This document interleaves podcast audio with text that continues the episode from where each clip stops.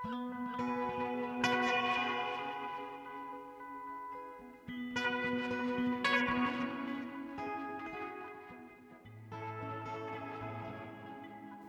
sæl og blessus, við sjá helsar ágættur hlustendur á síðasta degi mæmánuðar árið 2021.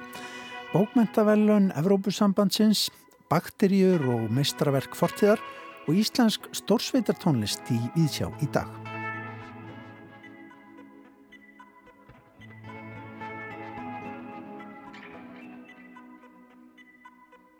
Í þætti dagsins hugum við meðal annars að bókmentavellunum Evrópusambandsins sem Íslandingar gáttu þetta árið tilnæmt til formlega en velunin voru afhengt í sendiráða Evrópusambandsins nú á dögun. Fimm höfundar voru tilnæmdir að þessu sinni fyrir Ísland þau Benny Sif Freilefsdóttir, Bergþóra Snæbjörnsdóttir, Jónas Reynir Gunnarsson, Sigrun Pálsdóttir og Irsa Þöll Gilvadóttir. Öll fyrir sína nýjustu bækur sem að koma út í fyrra. Það var segjan bók Sigrunar Pálsdóttur sem fimm manna dómnend valdi sem veluna bók að þessu sinni og við heyrum í Sigrunu hér síðar í þætti dagsins. Við hugum líka að ósynlegum bakterjum og hvernig er nýtast til að gera listaverk endurreistnarinnar glæsilegri en þau hafa áður verið. Undanfarið hefur bakterjum verið beitt á meistarverk Michelangelos í Medici kapellunni í Flórens og þær hafa kjamsað þar á ymsu mísjöfnu eins og ljós hefur komið. Meira um það hér eftir stuttastund.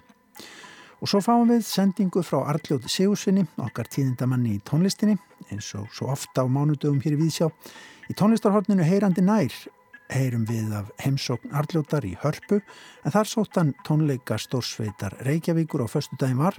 Á tónleikunum voru frumflutt ný tónverk eftir nýju höfunda og fáum við að heyra stiklur af því sem fyrir eiru Arljóðs bar. En fyrst ágætulustendur, þetta hér, Eirikur Guðmundsson, teku við.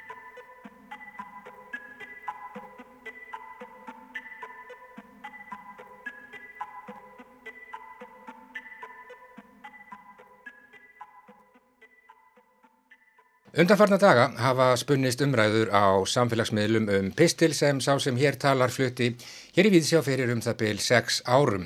Í pistilum var meðal annars vikið að verki Hallgríms Helgasonar sjóveikur í munn hérn frá árinu 2015.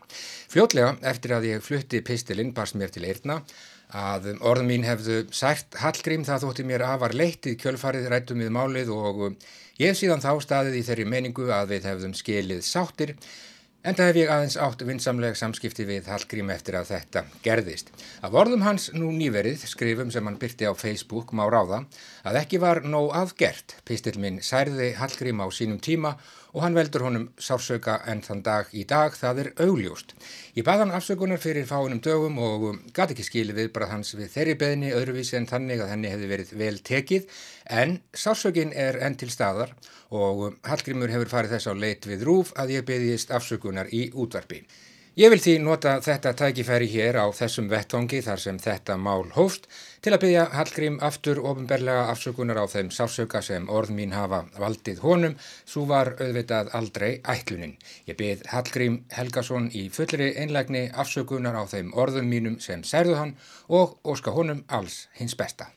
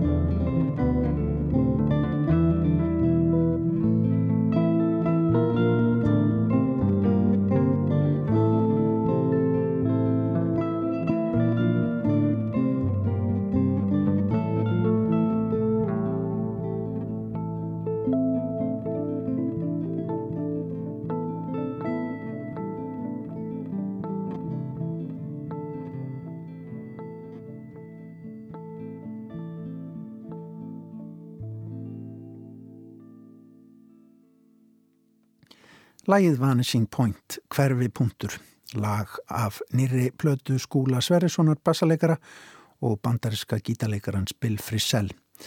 Plata þeirra félaga heitir Strata og kom út fyrr í mánuðunum. Þarna mætast sem sagt bandarísk gítarhetja og íslenskt bassagóð með góðum árangri. En þá höfum við að því allra smæsta í kringum okkur. Þessu sem við sjáum ekki en getur bæði verið okkur til óþurftar eins og dæmin sannæjú en líka til gags.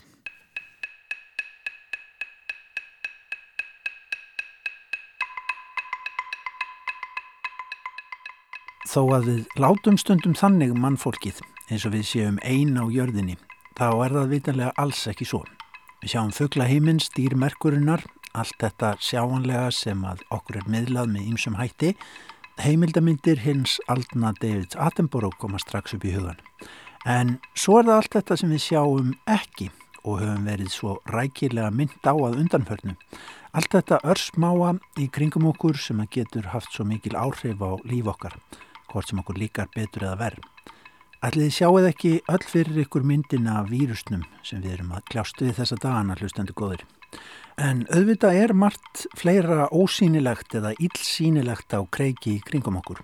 Til dæmis veitum við að í náttúrunni lifi ansi ansi margar bakterjur sem við sjáum þó aldrei. Og hér er tala sem þið getur reyndan á utanum í kollinum á getur hlustendur, 5 og svo 30-0 á eftir. Svo margar bakterju tegundir eru taldar fyrirfinnast í náttúrunni og auðvitað bara brotabrót þeirra er þekkt hvað var þar hegðun og virkni. 5 og svo 30-0.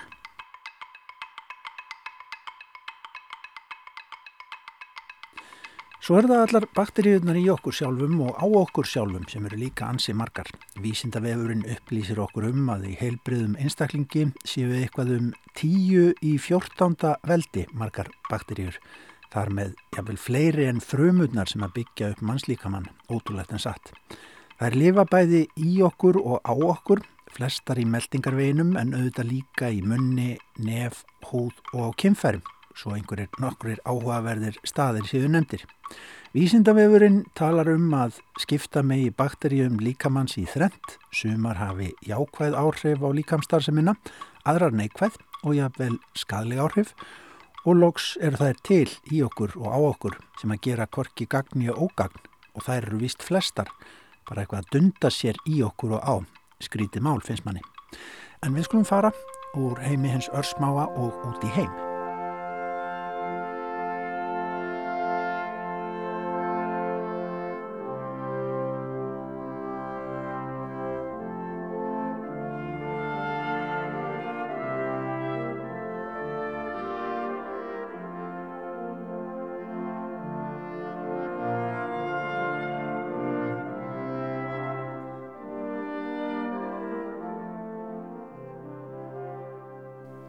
Flórensborg á Ítalíu er eins og flestir vita einn af heitu reytunum þar sem endurreistnin matlaði á sínum tíma.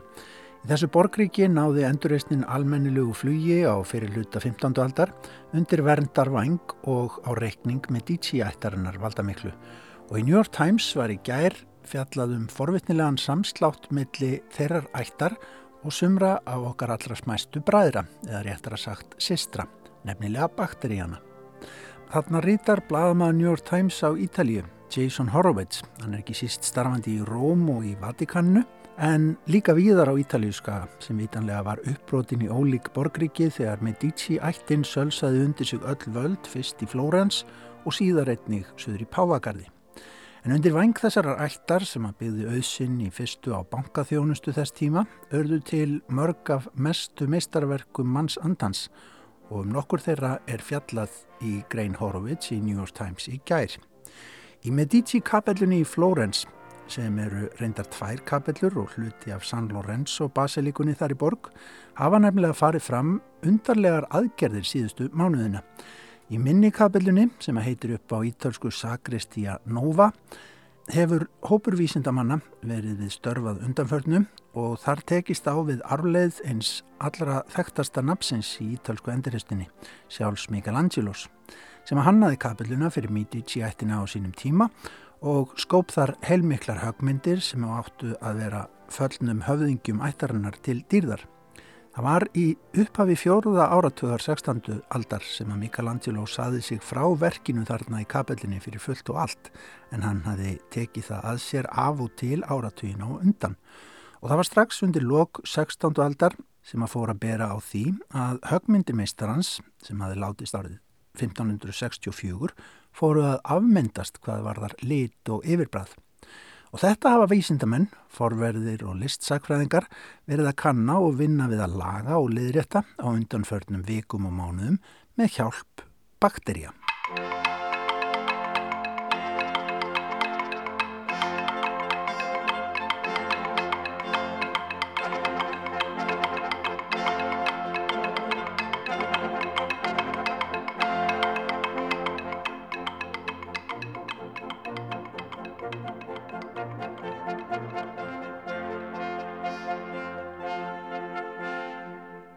Þar til nú var bakteríuverkefninu söður í Flórens haldið nokkuð lengdu en ágætis ráðrúm hefur gefist til þess að undanförnu því að vitanlega hefur kapillan verið meira og minna lokuð fyrir gestum á síðustu mánuðum.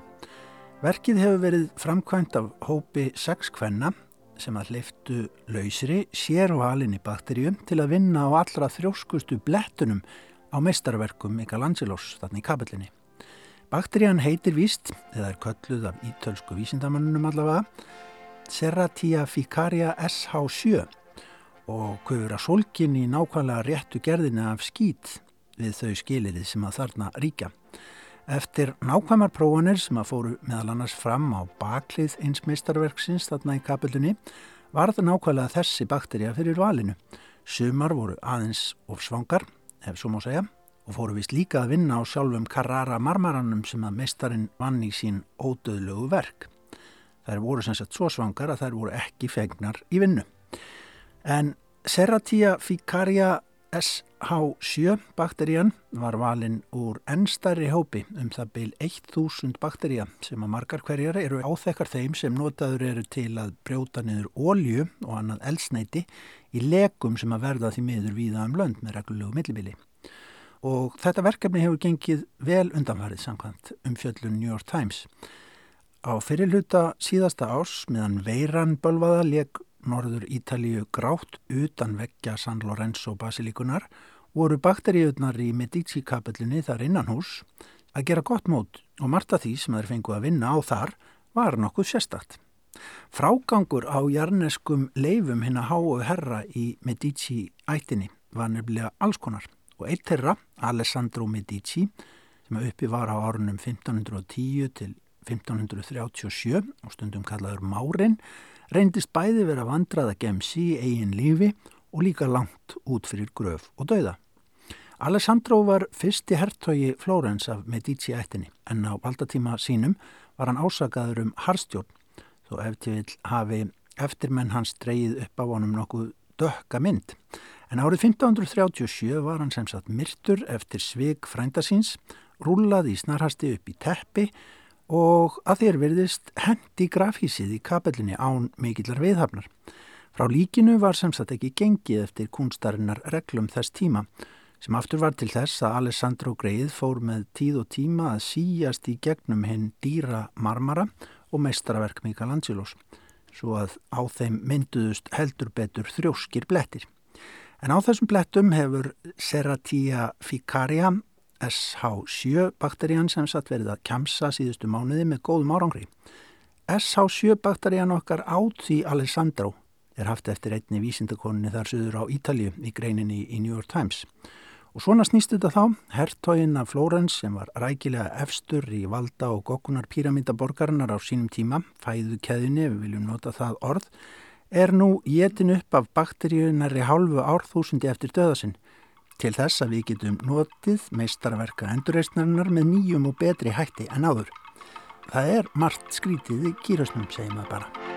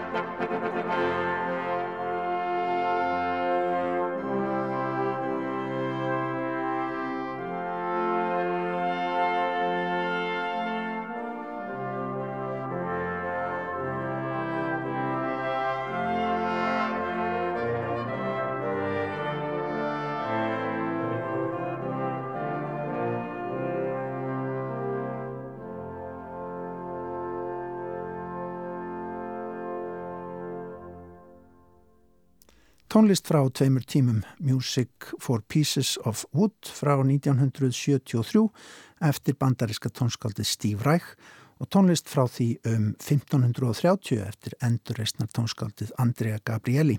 Þetta kom saman þarna. Gabrieli starfaði aðala í Feneum á endurreysnatímanum og samti þarna þessa nokkuð herskáðu tónlist sem að passaði ágæðlega við árásir bakterja gegn heldur ógæðfeldum skít og óreinundum á meistarverkum Michelangelos í Medici kapellinni í Flórens sem við sögum þarna frá. Forvitnileg grein í New York Times sem við greipum í.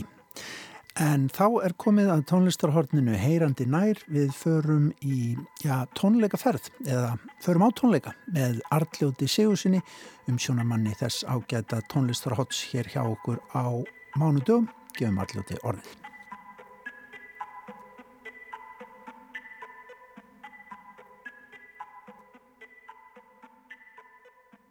Heyrandi nær var þeirrar ánægju aðnjótandi að hlýða á Stórsveit Reykjavíkur frumflytja nýja íslenska óbusa í hörpu síðasliðið förstudagskvöld undir stjórn Samuels Jóns Samuelssonar. Þessi nýju stórsveitarstykki voru ymmit nýju talsins eftir jafnmarka höfunda sem fengu frelsi til að básuna úr sínum einstu hugarhornum og bundin við skilgreiningar og utanandkomandi njörfun. Þegar dagskrálikt og þessi likur fyrir er vístað maður á í vændum hljómarent hlaðborð eins og rættist í frumflutningunum á frjádaginn var.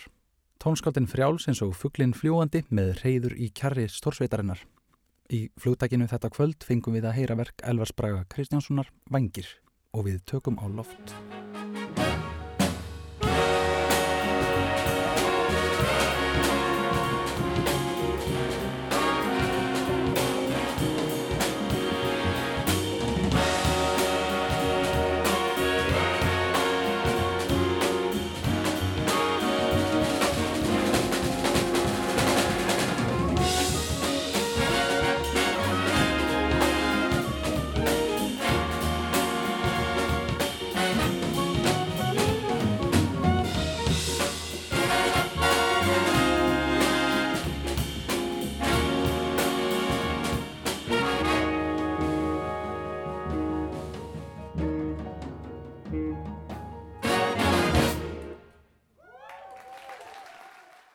Maður finnur sig í forsælureitt í Þingvallasveit í söðlum Andvara Elvarsbraga sem þreyti þarna sína stórsveitar frumrun. Elvar er ennitt stóra tónirað úr yðrum lúðrasveita þar sem hann sjálfur eru öllum hnútum kunnugur, hefur spilað með, skrifað og útsett fyrir. Það hefur vafalítið verið gott veganesti en það ber verkið fáað yfirbræð og áreinslu lust með sérlega ánægjulega útkomu. Guðmundur Pétursson átti næsta leik í verkinu Blekking Við hljómsveitina bættist auka meðlumur fyrir flutningin Björg Brjánsdóttir sem ljáði aukinni mýkt í heildarsveipin með afbræðs þverflölduleik. Maður fann fyrir skýrskotun í Frank Zappa, nánast glettilega á köplum, en um miðbyggið iljaði manni exotískur kirrahafsblær Martin Denny í þykkum hljóma breyðum flíilsins í höndum Kjartans Valdimarssonar. Heyrum brot úr blekkingu Guðmunds Péturssonar.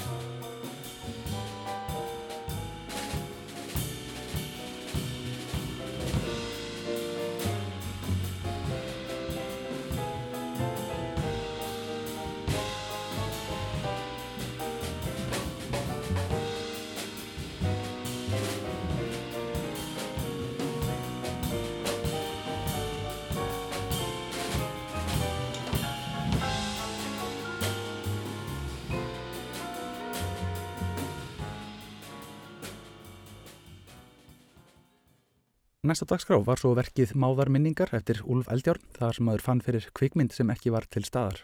Ímynduð sena í hugveikjandi dramastekki, íhugul og melankólíska köplum en geðhreinsunnin nærandi. Gott blindrabíjó í besta skilningi þess nýjörðis.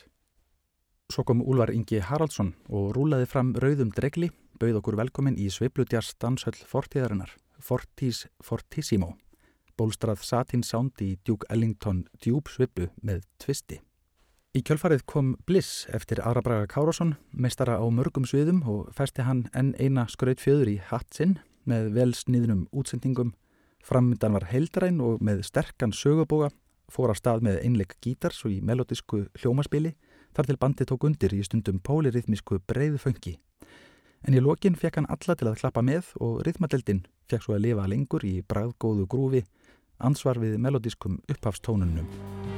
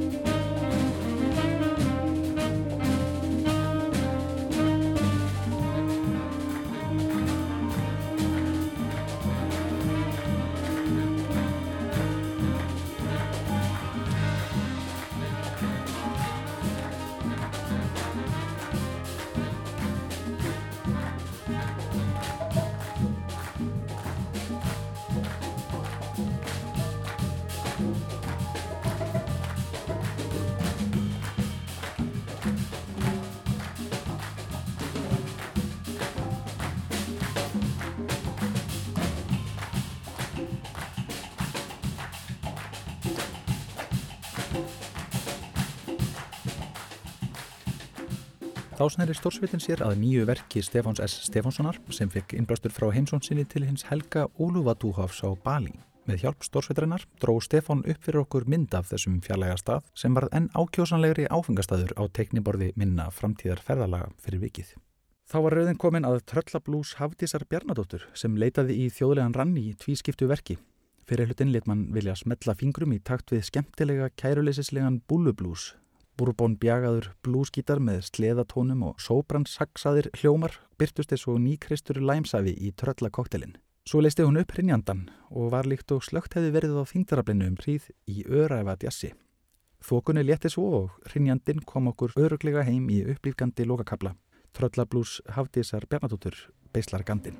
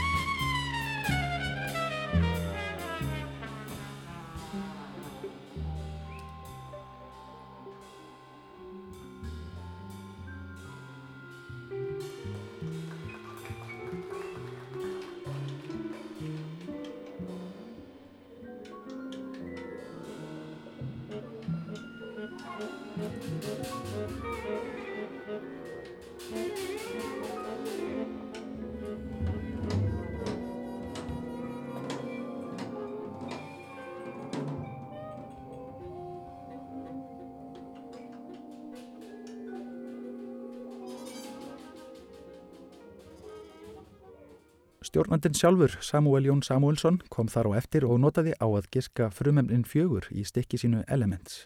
Einstaklega fallegur þótti mér kaplinn þegar Haugur Gröndal blés íðil fagurt í flautu sína og Andi Debussy lág í loftinu.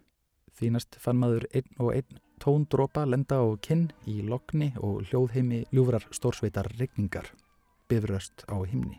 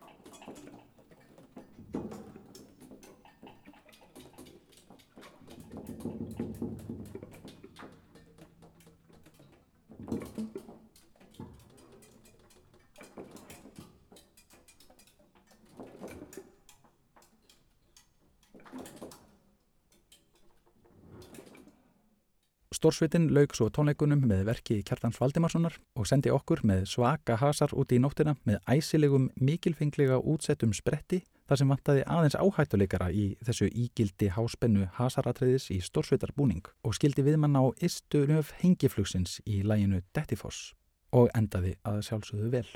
Heyrandi nær þakkar hlust, góðar stundir.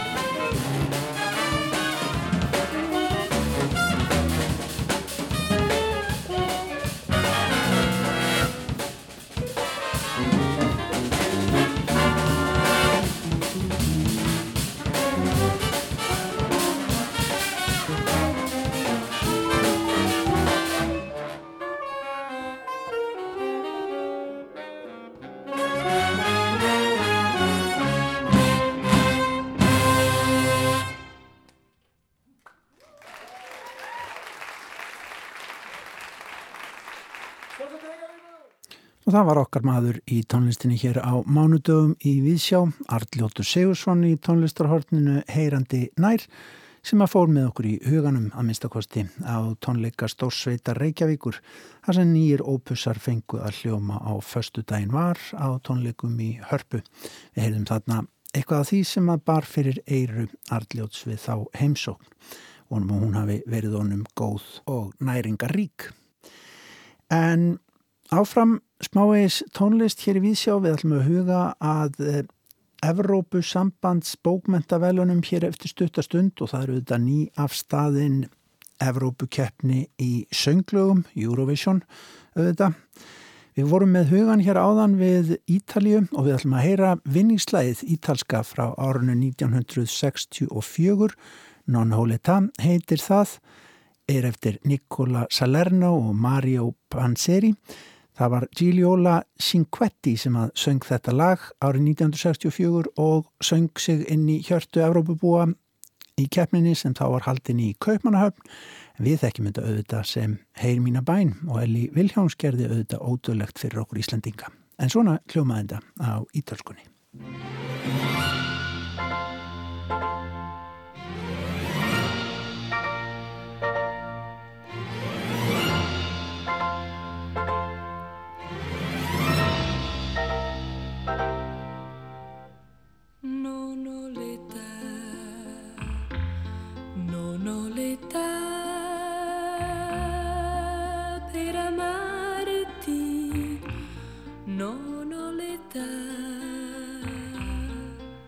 perushi.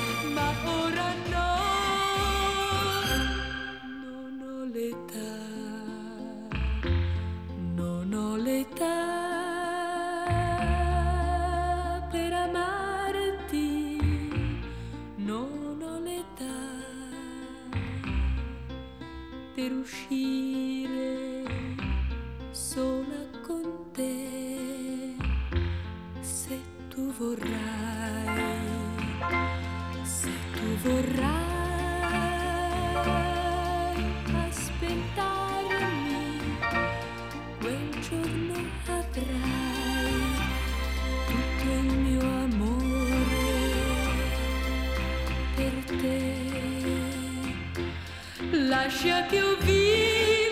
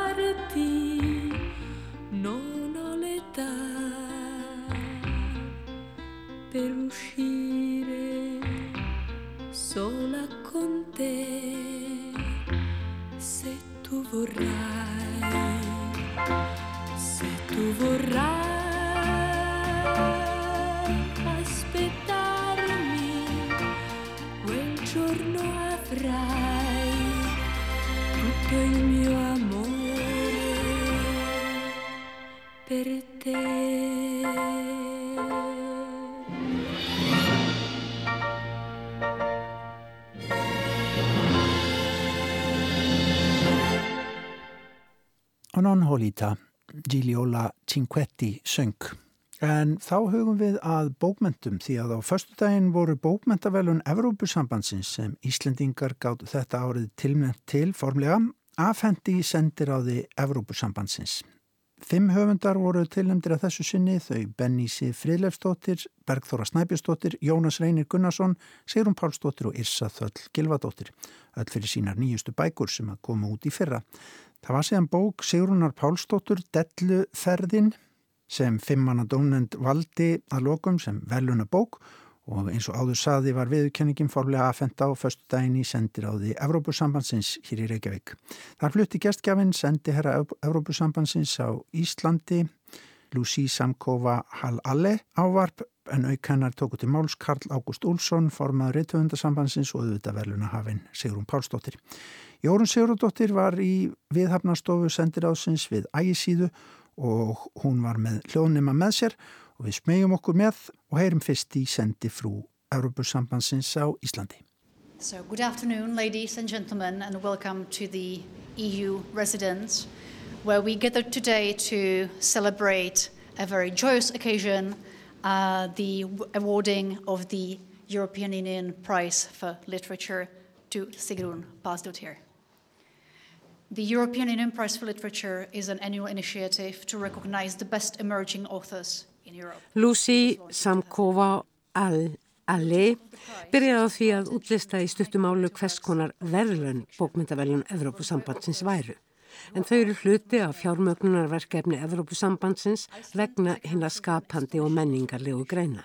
Verkefni sem gengur undir nafnu Skapandi Evrópa.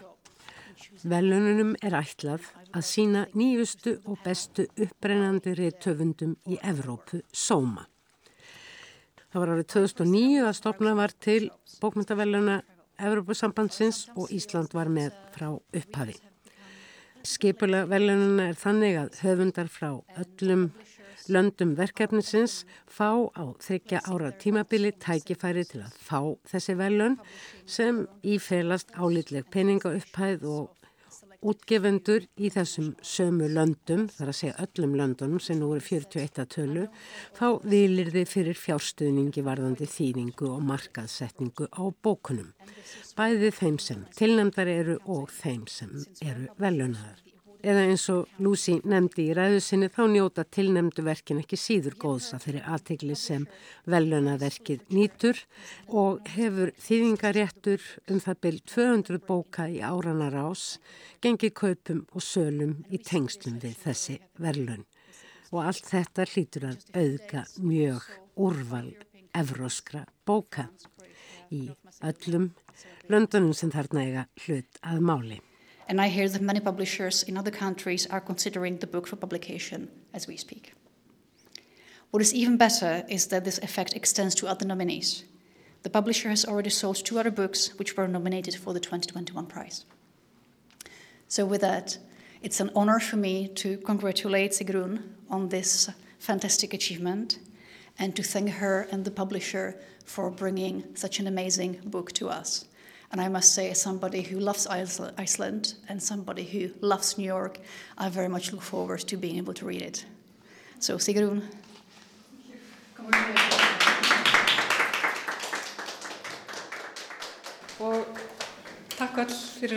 Að koma. And thank you, Lucy Sankoa, for, for hosting this uh, reception in, at your house.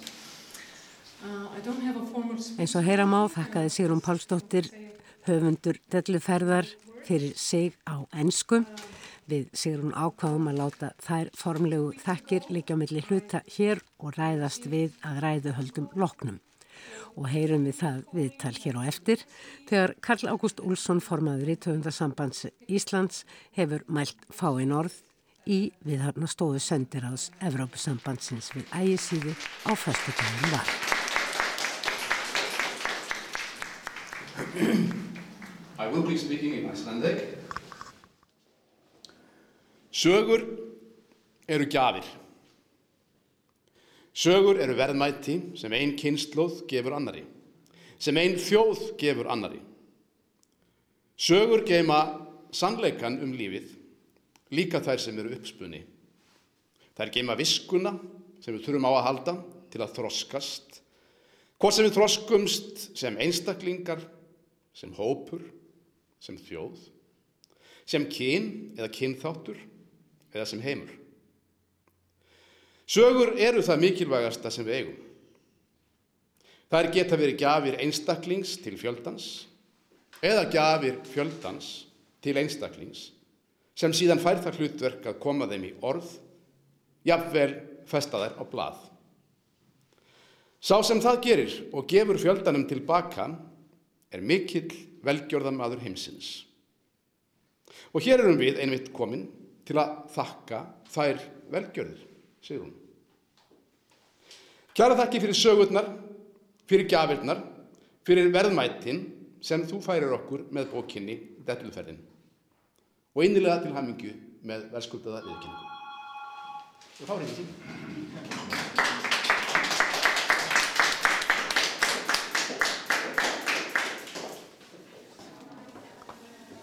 Sigrún Pálsdóttir, til hamingu Já. með uh, evrósku bókmyndaverlunin. Uh, þetta kom á óvart. Ég sko ekki, jú, þú veist, ég hérna, býst aldrei, aldrei við neinu, en, en þetta kom ekki alveg skindilega á óvart að því að, hérna, eins og ég sagði í ræði minni hér áðan, að, að hérna, ég fekk semst símtal og, og sem, hérna, útlænst símtal og því svara ég náttúrulega ekki ef ég þekki það ekki. Svo leiðis að, að sá sem var að ringi mig þurfti að, að senda mig skilabóð og byggja mig vinsalast um að svara símanum. Og sem ég gerði en ég, ég sagt, aðeins eh, tekkaði á, á hérna af manneskinu sem, a, sem að var að, að senda mig skilabóðin svo leiðis að hérna þannig ég fekk svona pínlítinn grunn svona áður en, áður en ég svaraði í síman. Uh, Rópaður upp yfir þig, greifstu andan á lofti eða var þér orðfall? Nei, nei, nei, mér var það nú ekki sko vegna sem ég var náttúrulega búin að sjá svona aðeins sko skilabóðinu, var alltaf með efasendir sko, þú veist, að þetta væri eitthvað annað eða, eða einhverja plata. Getur það verið? Já, já, þannig að hérna, nei, ég bara var bara mjög ánæð, ég eh, átti, satt að segja ekki, ekki vonað þessu, það voru fimm bækur sem voru tilnefndar, allt saman frábæra bækur og, og svona, já, það voru þannig nokkra bækur sem ég held kannski að, væri betra en mín. Öll velun hafa svona sinn geysla sem að maður getur ímyndað sér að falli í kramið eða ekki kramið. En delluferðin er náttúrulega svolítið, svolítið eh, merkileg bók sko. Það er eh, Lítiland og Heimsborg sem eru þar eh, til grundvallar. Já, það er, og það eru svo margir þræðir í þessari bók, sko. Það er óa erfitt að svona pakka þessu inn í, inn í einhver, einhverja svona eina litla lýsingu og ég hef náttúrulega þurft að gera það þegar ég skrifa baksíðu teksta og, og annað og hérna eins og ég nefndi þessari stuttu ræðminni á þann að það eru þetta margir þræðir í þessari bók en ég var svona og maður veit náttúrulega, maður sest ekki niður til að skrifa bókum eitthvað, eitthvað þetta eða hitt, heldur er það alltaf svona í undirmeðutundinni en svo svona hugmynd sem var alltaf svona alltaf flögrandi og alltaf svona uh, baka til í, í höfðinu var þessi þessi sjálfsmynd Íslendinga sem, sem uh, þjóð sem hafi fundið Ameríku og ég ræði þetta og, og þessna plassir er þessu í, í New York uh, þar sem hlutinir er að gerast og, og, og þar náttúrulega eru það, það er þarna hugmyndunum náttúrulega Columbus og svo er það náttúrulega frumbyggjar Ameríku og ég er pínlítið að, að, að fjalla um þetta en sérstaklega með frá sjónarhóli þessar kannski ránkhugmyndar Íslendinga um, um þessar landa, merkilegu landafundi sko. En, en, en ég leik mér pínlítið að því og, og, og lýsi því sem sagt lýsi því svona þessum hugmyndalegu átökum á, á grímuballi sem á sér stað og átti sér stað akkurat á þessum tíma þegar bókin er að gerast uh, í, á Manhattan Þetta er alltaf skemmtilegt. Er, er spátt búin að kaupa þýðingaréttin? Nei og, og, og það, það koma þarna náttúrulega, það, þetta er náttúrulega mjög, hefur, hefur sterkast skýrskótun náttúrulega til í sagt, sögu Ameríku en það náttúrulega Manhattan er á, á, á þessum tíma náttúrulega mjög og, og náttúrulega er ennþá en, en hérna þannig að það eru ímsar þjóðir sem koma þarna við sögu En eins og ég segi það er bara að það er erfitt að, að pakka þessu inn í, í hérna, að því það er líka svo margt sem, sem liggur undir. Mm. Þú ert með eitthvað söguþráðin en, en svo er svo margt að, það er bara svo margt að gerast og stundum eh, áttar maður segi ekki á því fyrir fyrir en eftir á. Mm. En þú nefndir einmitt sko að þín svona grunnhugsun höfði verið, já, eftir því sem ég skildist, brauðfæturnir sem að þjóðverðnis, já, higgjan þjóðverðnis eh, ástriðan stundum er reist á. Já, já, ég minna það, þú veist, þetta eru náttúrulega oft bara náttúrulega mítur sem að, sem að hérna, sjálfsmynd okkar byggir á, en í þessu, sko ég er ekki að fjallum þetta breytt, en ég er að fjallum þetta að því sko það er ekki tilvílinu ég læt þessa sögupersonu að fara til New York, hún er að fara þarna út af ákveðinu hérna með ákveði erindi og það er þarna sagt, það eru þarna fyrirmyndir sem ég er að nota mm. og þó að þessi saga, ég, ég segi stundum hún gerðist ekki en hún hefði geta gerst sko það er ekkert og það er ekkert sko það, það talaðum að sko frásörnum sé tilvílina kent mm. en þetta er allt þarna sko ja. veist, þetta er bara eins og hérna auðvitað náttúrulega ræður þú öllu í, í, í þinni sögu en, en En lífið er líka bísna tilvílunarkent sko. Já, akkurat. Og nú stendur þú hér og hefur fengið þessi verðlun og líklega var þetta vitað fyrir einhverju síðan þó við stöndum hér 28. mæ í uh, sendiráði Evrópsambandsins en uh, hvað hefur gerst síðan? Mér skilst að fiskisagan uh, fljúi og, og það, þú hafið þegar fengið fótfestu fyrir bókina í hinnum og þessum löndum.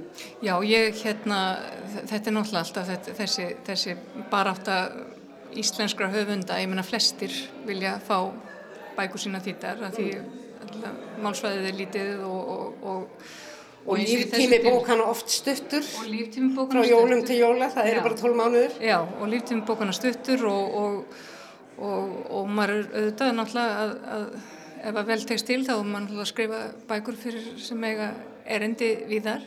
Já, og, og mættu alveg rýsa upp aftur líka hér á landa. Já, já, en, en þetta sem svona opnar bínlítið því það er, þetta opnar fyrir samninga en, en hérna Og nú eru grímurnar að falla heldur og farir jáfnvel að hitta lesendur í öðru landum?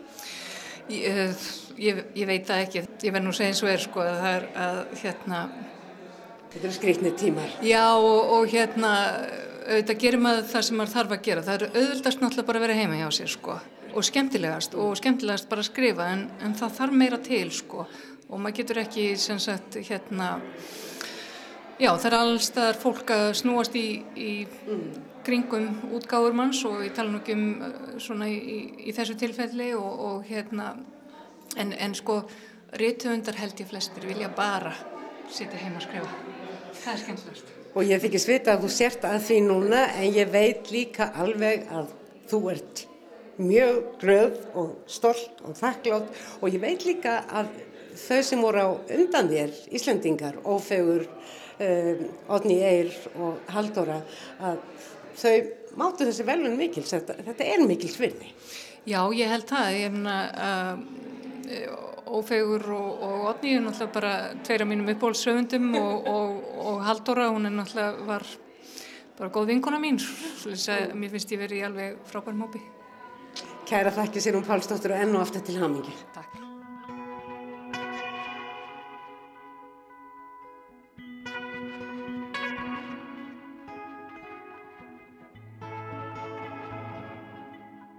Já, rétt að eh, taka undir þær hamingju og skir Jórunar Sigurðardóttur. Jórun rætti þarna við Sigurðunur Pálsdóttur sem hlaut Íslensku bókmyndavelun Evropasambansins á förstu daginn fyrir bók sína Delluferðin. En svona ágættur hlustandur ætlum við að ljúka viðsjá í dag. Við bendum á að það er hægt að hlusta á viðsjárþætti inn á vefnum á rúf.is í spilarríkisútasins og svo erum við líka sett í hlaðvarp þetta nálgast það í gegnum hlaðvarpsforrið eða jafnvelin á Spotify þannig að það er engin ástæða til að missa af viðsjá auðvitað eins og vennilega en svona ljúkum við þætti dagsins. Við verðum hér aftur á morgun klukkan 16.05 segjum þetta gott þakkun samfélgina, verið sæl